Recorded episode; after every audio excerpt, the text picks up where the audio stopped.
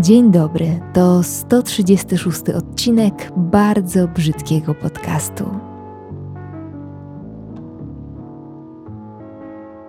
Dzisiaj dla własnej przyjemności i rzecz jasna waszej rozrywki postanowiłam wrócić po naprawdę długich miesiącach do serii Porad cioci Igi, czyli odcinka, w którym y, odpowiadam na wasze życiowe zagwozdki z perspektywy często nieco starszej koleżanki, która co prawda postara się doradzić, zrobię wszystko co w mojej mocy, ale czy pomogę? Cóż, no tu gwarancji nie ma. Podkreślam ten brak gwarancji, bo ja absolutnie, absolutnie nie chcę się tu bawić w wyrocznie i alfę i omegę, bo wiecie, kurczę, jestem człowiekiem do tego dosyć gapowatym, sama popełniam miliony błędów, cały czas się potykam, gubię, strzelam sobie w kolana i to obydwa na raz, ale zauważyłam, że łatwiej doradzić w logiczny sposób komuś niż sobie. Na pewno też to zauważyliście i na pewno też Wam się to przytrafiło.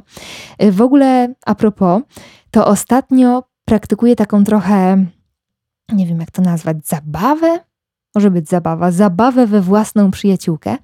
I kiedy mam jakiś problem, to staram się stanąć obok, tak jakbym miała pomóc właśnie drugiej osobie, a nie sobie samej, i spojrzeć na cały problem tak totalnie obiektywnie. I mój Boże, nawet nie wiecie, jaką różnicę to robi. Samą metodę gorąco Wam polecam. Oczywiście ona nie jest łatwa w niektórych sytuacjach, bo trzeba się jednak na chwilkę chociaż odseparować emocjonalnie od tego problemu, ale działa, musicie mi uwierzyć. A dzisiaj będę dla Was taką właśnie kumpelą, nieco bardziej obiektywną niż osoba osadzona w danym problemie. Zatem zróbcie sobie coś pysznego do picia, jedzenia, zawincie się w koc, tak już można, nadchodzi jesień. E, powiedziałam to z super ekscytacją, od razu wyszło, że jestem jesieniarą. Mm, a ja w tym czasie e, zajrzę do pytań, które przysłaliście na mojego Instagrama, do którego również gorąco Was zapraszam. Dobra. A i jeszcze mm, te pytania będę troszeczkę parafrazować, a nie czytać dokładnie tak, jak były napisane kropka w kropkę. Mam nadzieję, że autorzy się nie obrażą. Sens obiecuję zachować. Dobra, teraz lecimy. Pytanie pierwsze dotyczy poznawania rodziców partnera i na odwrót, poznawania własnych rodziców z partnerem. Jak sobie poradzić, jak się do reszty nie zestresować. I powiem Wam, że jak pierwszy raz czytałam to pytanie, to w głowie rozbrzmiewało mi zdanie z dzieciństwa: Nie bój się, pajączko, on bardziej boi się ciebie niż ty jego. I powiem Wam, że właśnie tak jest z tymi pierwszymi spotkaniami z rodzicami. W większości przypadków oni też są cholernie zestresowani całą sytuacją, szczególnie jeśli Wasz związek, wiecie, w dotychczasowych opowieściach jawi się jako coś poważnego. Moi byli zestresowani, Marcina też, i ja, i Marcin, i to jest kompletnie normalne. Myślę, że już samo uświadomienie sobie tej normalności tego stresu trochę uspokaja i wydaje mi się też, że uspokaja myśl, że wszyscy tak naprawdę wcześniej czy później będziemy przez to przechodzić, albo już przez to przechodziliśmy, przez ten stres. I tego się chyba kurczę nie da do końca uniknąć, bo jesteśmy tylko ludźmi, a jak nam na kimś zależy, to siłą rzeczy chcemy wypaść jak najlepiej przed jego jej rodzicami i to jest okej. Okay. Jeżeli jednak miałabym coś doradzić, to chyba to, żeby jednak mimo tego całego stresu pozostać sobą.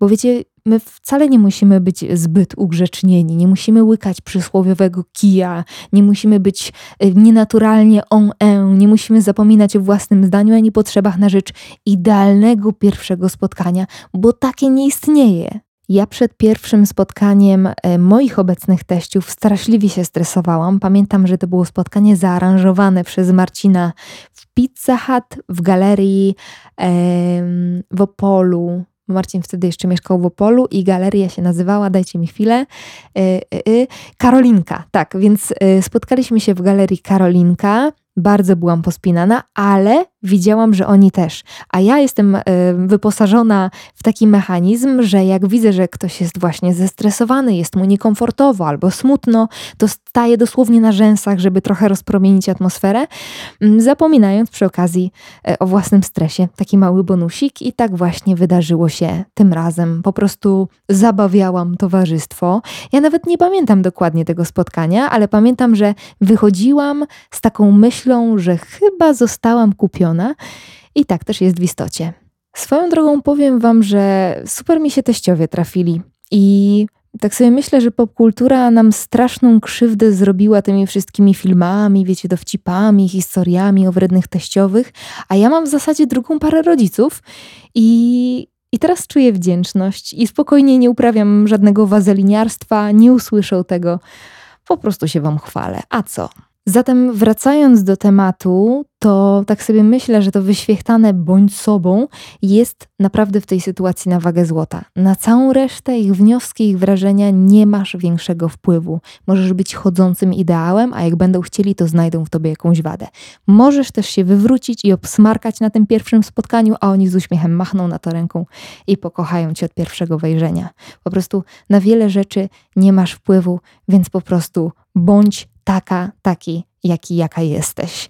Trzymam za ciebie kciuki. Tak sobie patrzę na te pytania i bardzo dużo jest pytań właśnie stricte związkowych i to takich już poważniejszych, ale postanowiłam trochę te zapytania miksować, żebyśmy mogli sobie od czasu do czasu wziąć oddech. E, więc kolejne pytanie brzmi: jak prasować ubrania, żeby nie musieć prasować? I ja na to pytanie akurat potrafię odpowiedzieć. Zatem po praniu ewentualności są dwie albo suszarka automatyczna i program suszenie do szafy. Wtedy wszystko, co wyciągniesz, jest prawie wyprasowane. Kluczem jest, żeby wyciągnąć pranie od razu po suszeniu, a nie zostawić w bębnie suszarki, jak zwykłam to robić niejednokrotnie, bo będzie jak psu z gardła. Jeżeli nie masz suszarki albo danego ciucha w suszarce automatycznej suszyć nie należy, to kolejna wskazówka jest od mojej mamy, żeby naprawdę przyłożyć się do rozwieszania. Na przykład koszulę porządnie strzepujemy i od razu wieszamy ją na wieszak, nie na żadną suszarkę, nie na żaden sznur, tylko na wieszak, prostując kołnierzyk i rękawy, już nadając taką ostateczną formę tej koszuli i wtedy rzecz jest względnie wyprasowana bez prasowania, ale podkreślam też, że jest to patent mojej mamy, bo sama zwykle kończę, wiecie, z tymi śladami po druciku y, na swojej koszulce. Cóż, no, nie wdałam się w tej kwestii w mamę. Zresztą mama ma obcykane takie patenty, no bo codziennie przygotowuje tacie koszulę do pracy. Oczywiście później tę koszulę taką ładnie rozwieszoną jeszcze prasuje e, na blachę, ale pamiętam, że jak byłam w domu rodzinnym, jak pomagałam mamie rozwieszać, to zawsze mama po mnie poprawiała, bo nigdy nie potrafiłam zrobić tego mm, odpowiednio równo. Jeszcze jest patent, który polega na tym, że wieszacie sobie mm, ubrania nad wanną, jeżeli na przykład bierzecie gorącą kąpiel, wtedy para wodna też je y, troszeczkę podprasuje, a jak już jesteśmy przy parze wodnej, to last but not least parownica, słuchajcie, czyli moje odkrycie ostatnich miesięcy. Ja w ogóle nie wiedziałam, słuchajcie, że ja tego potrzebuję.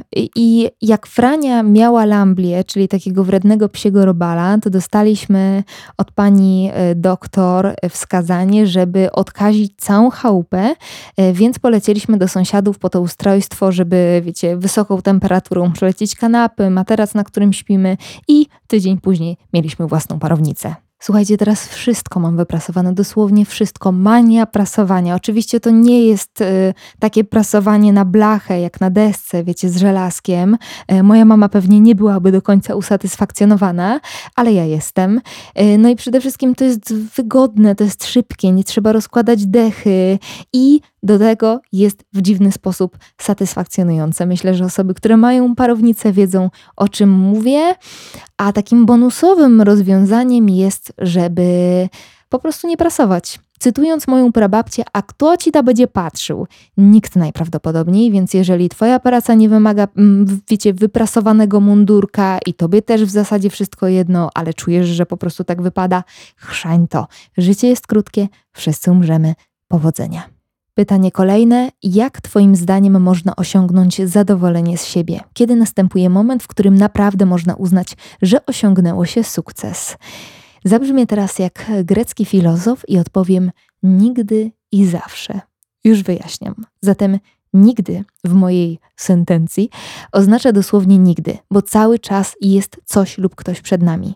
Nigdy nie będziemy najlepsi, bo zawsze może znaleźć się ktoś lepszy od nas. A nawet jeżeli jesteśmy mistrzami w jakiejś dziedzinie, no to kwestią czasu jest, żeby pojawił się nasz następca. Nigdy nie będzie nas stać na wszystko. Wiecznie na horyzoncie będzie jakiś szczyt do zdobycia, cel do osiągnięcia, marzenie do spełnienia. Zawsze, ale to zawsze będzie ktoś przed nami. Więc jeśli jest się ultra perfekcjonistyczną, wysoko wrażliwą bestią jak ja, no to wiecznie się z tym poczuciem niedostateczności przez życie wędruje i tu z pomocą przychodzi druga część mojej mądrości, czyli zawsze. Sukces jest pojęciem względnym. Każdy ma inną jego definicję. I powiem Ci, że ja na przykład wreszcie stopniowo wyrastam z myślenia pod tytułem albo najlepiej, albo wcale, bo właśnie takiemu krzywemu, mocno myśleniu hołdowałam całe niemal życie i powoli przysposabiam sobie zasadę 70%. To jest rzecz, którą sobie pożyczyłam od pana, który się nazywa Campbell Walker, w ogóle super rysownikiem, ale również prowadzi kanał samorozwojowy na YouTubie,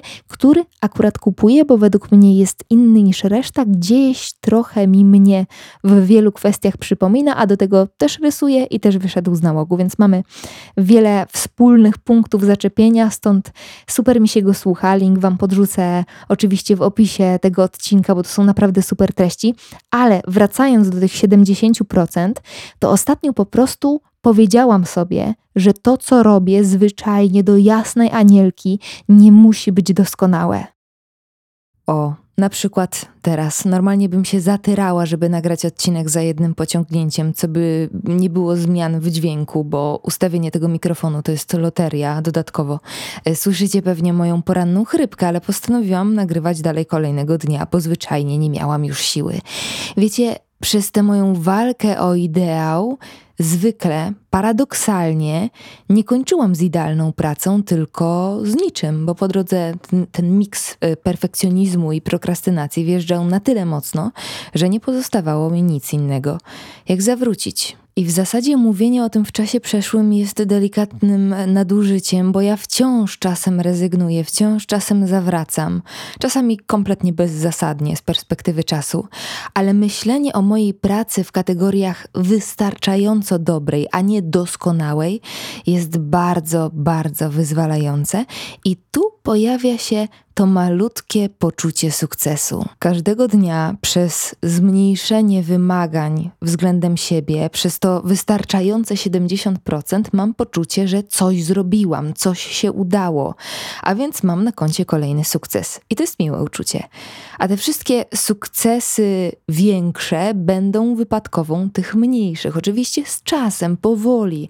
Pozostaje nam czekać i mieć nadzieję. To jest w ogóle koszmarna krzywda, uważam, którą nam zrobiło zrobiły social media. To poczucie, że sukces ma być spektakularny i że może być instant. Wiecie, wsyp do kubka, zalej wrzątkiem, zamieszaj gotowe. To tak kompletnie nie działa. Ludzie, którzy zdają nam się osiągnąć coś dosłownie w jedną noc, na tę noc zwykle pracują latami. Tylko o tym nie wiemy, bo przez ten czas jest o nich cicho, a zwykle uwagę poświęca się temu odcinkowi ich życia odrzeczonego sukcesu. I wtedy nam się wydaje, że wiecie, to tak ma wyglądać, że sukces to jest tylko i wyłącznie kwestia szczęścia, a nie ciężkiej pracy, że wystarczy afirmować. To tak kompletnie nie działa. E, w ogóle te wszystkie afirmacje i wizualizacje, które nam TikTok podrzuca, to jest e, ciekawe zagadnienie, bo ja nawet trochę w to wierzę, wiecie? Wierzę w to, że energia podąża za uwagą, ale kurde, no trzeba też działać, robić, uczyć się, iść do przodu i żadne czary nam nie pomogą, jeżeli nie zakasamy rękawów. A jeszcze coś, to nie jest tak, że sukces równa się szczęście, takie głębokie szczęście, bo radość mamy we łbie, niezależnie od sytuacji. Można mieć jej pod dostatkiem w szarej rzeczywistości i absolutny jej brak na własnym jachcie z milionami na koncie. I w ogóle jest w internecie jakieś takie powiedzonko, że wolę być, y, już nie pamiętam jak to leciało, ale sens był taki, że wolę być smutny i bogaty niż biedny i szczęśliwy, a ja mówię pierdolenie. Osoby, które miały jakiekolwiek problemy psychiczne i nagle dostrzegły jak własna głowa skutecznie separuje ich od rzeczywistości, wiedzą o czym mówię. Nagle ci się to tak roz, rozwarstwia w przedziwny sposób i to jest najgorsze uczucie na świecie. I też nie zrozumcie mnie źle.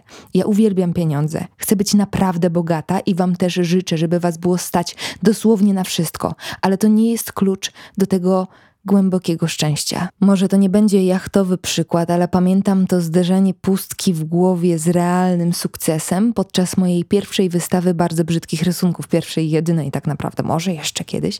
W każdym razie Wtedy udało nam się załatwić super lokal. E, osoby z Krakowa będą kojarzyły Forum Przestrzenie. To właśnie tam odbywała się moja wystawa. Na wernisaż przyszła kupa ludzi. Tam się przewinęło chyba tysiąc osób w ciągu kilku godzin. Cały wieczór byłam obściskiwana, robione sobie ze mną zdjęcia, usłyszałam mnóstwo miłych słów. Wydawać by się mogło, że na tamtą chwilę to jest ten szczyt popularności, o którym tak marzyłam, a tak naprawdę czułam niewiele. A już na pewno nie tę realną radość, która mi się przecież z sukcesem miała łączyć. Ukochanie siebie, tej często niezwykle szarej rzeczywistości i nawet najmniejszych sukcesów, takich jak umycie naczyń, trzeba wyćwiczyć. Wyćwiczyć w sobie wdzięczność. Nawet sobie nie wyobrażacie, jakie to ważne i jak wiele zmienia. Ale się rozgadałam. I wtedy przychodzi ten, ten sukces i to poczucie spełnienia, ale to nie jest tak naprawdę do osiągnięcia, tylko właśnie do wyćwiczenia. U, tutaj postawię kropkę i przejdziemy dalej. Um, no dobrze, w imię parytetów pytań lekkich. Córki nauczyły dwulatka mówić hej pupa i elo mordo. Wita się tak ze wszystkimi. Co robić?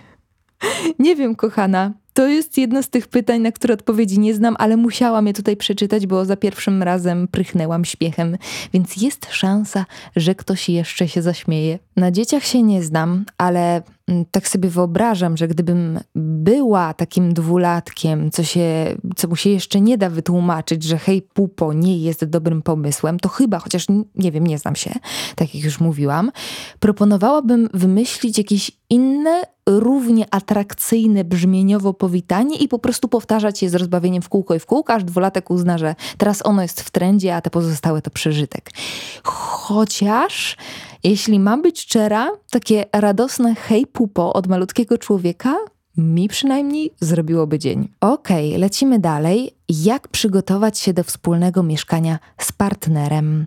Fajne pytanie, oczywiście będę na nie odpowiadała z własnej perspektywy i tylko własnej perspektywy. Pamiętajmy, że każdy jest inny i każdy związek jest inny.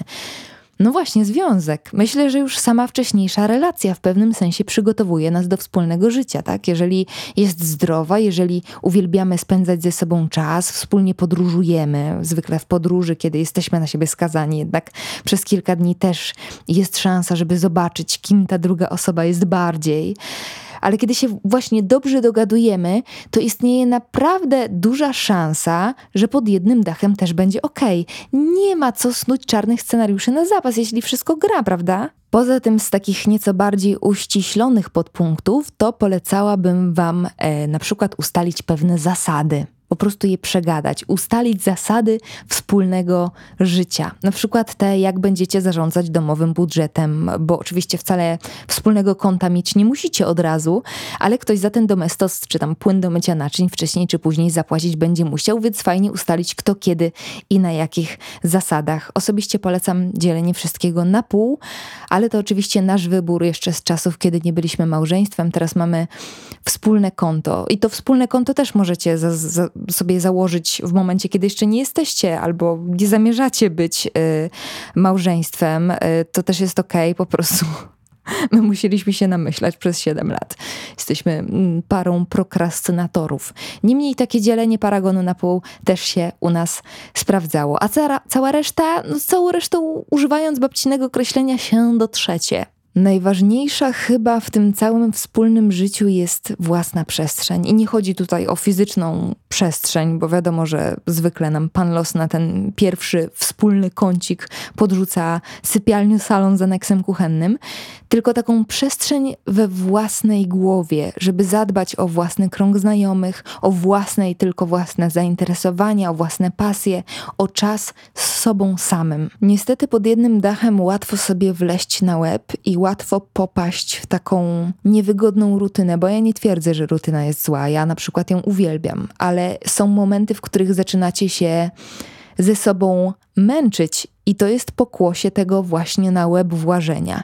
Mówiąc prościej, warto nie skazywać się na siebie i tylko na siebie. Żeby zwyczajnie mieć o czym tej drugiej osobie pod koniec dnia opowiedzieć. To jest naprawdę ważne. Fajnie też robić czasem coś szczególnego wspólnie. To, że mieszkamy razem wcale nie oznacza, że nagle mamy nie kupować sobie prezentów, nie zaskakiwać się, nie zabierać się na randki. E, my z Marcinem na randki pomimo siedmiu lat wspólnego życia wciąż chadzamy i mam nadzieję, że będziemy to praktykować do końca życia. Wciąż dostaję czasem kwiaty bez powodu i wciąż widzimy w sobie dzięki temu między innymi ten zachwyt jak podczas pierwszego spotkania, czego życzę również Wam. A schodząc nieco na ziemię, co by się za słodko nie zrobiło, to polecam również zaakceptować, że wszyscy jesteśmy ludźmi, wszyscy puszczamy bąki i w ten sposób będziecie żyć długo i szczęśliwie. A tak na poważnie, to wszystko wyjdzie w praniu. Po prostu ze sobą rozmawiajcie i komunikujcie się wprost. Lepiej coś usłyszeć niż się domyślać. I ode mnie to chyba tyle. Ach, jeżeli na przykład macie ochotę jakoś uzupełnić którąś z odpowiedzi albo wyrazić własną opinię, to oczywiście nieprzerwanie zapraszam Was do sekcji komentarzy na YouTube. Kolejne pytanie brzmi, mm, i to nie będzie jakieś stricte pytanie z humorkiem, ale mnie, nie ukrywam, troszkę bawi, zaraz opowiem dlaczego, więc brzmi następująco. Jak to robisz, że czujesz się młodo po trzydziestce? Nie zrozum mnie źle, to super, że bije od ciebie taka dobra młoda energia, ale ja dopiero przekroczyłam dwudziestkę i już mnie w krzyżu łupie, już się pracą martwię i mam wrażenie, że za dziesięć lat będę starym dziadygą.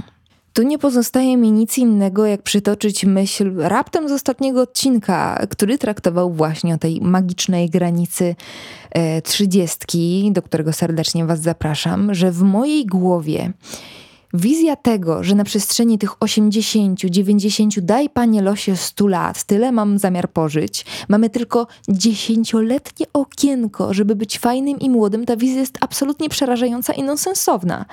No bo hej, najpierw jesteś dzieckiem, tak? Później jesteśmy nastolatkami, które już są oczywiście hołubione przez obecną popkulturę, ale wciąż na garnuszku rodziców.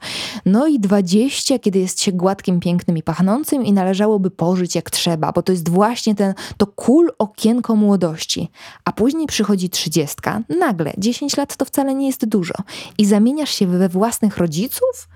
No sorry, ale to tak nie działa. I ja nie rozumiem, dlaczego świat stara nam się wmówić, że 30 to dużo. Skoro ja nie jestem nawet na półmetku, nie łupie mnie w krzyżu, tak jak memy sugerują.